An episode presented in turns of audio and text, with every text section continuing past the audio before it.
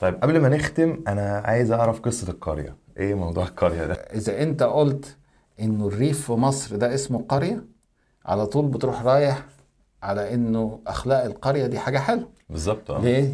لانه في القرآن في مدح للقرية بالظبط أنا، آه، لولا انزل هذا القرآن على رجل من القريتين عظيم مم. فهو القرية هو آم، آه، مكة ام القرى فأنا- مصطلح محبب في اللغه العربيه اه والقرآن. قرى بتاع في حين ان انت لما تيجي ترجع في اللغه العربيه ايه معنى قريه هتلاقيه ملوش دعوه بال... بالريف بالريف مم.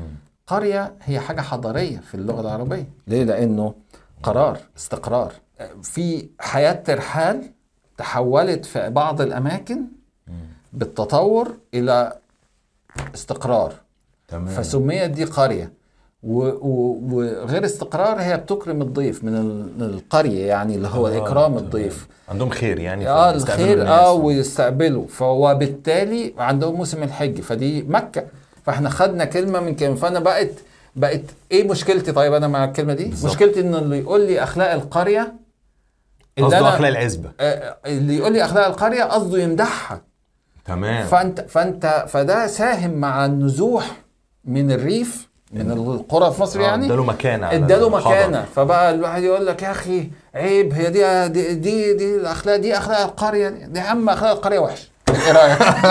احنا اخلاق القريه الحلوه انا هي عايز افاجئك بقى اه هي السماحه وال... واستقبال الضيوف ومش عارف ايه اخلاق الريف في العالم كله تجاوزها العالم لانه اخلاق الريف فيها الخوف من الغريب فيها كراهيه التغيير آه، فيها ان انت آه، ال- يعني ان انت انغلاق الشديد. مفيهاش تنوع. الانغلاق آه. الانغلاق وعدم التنوع فيها الرقابه العائليه كل دي هي دي اخلاق الريف مم.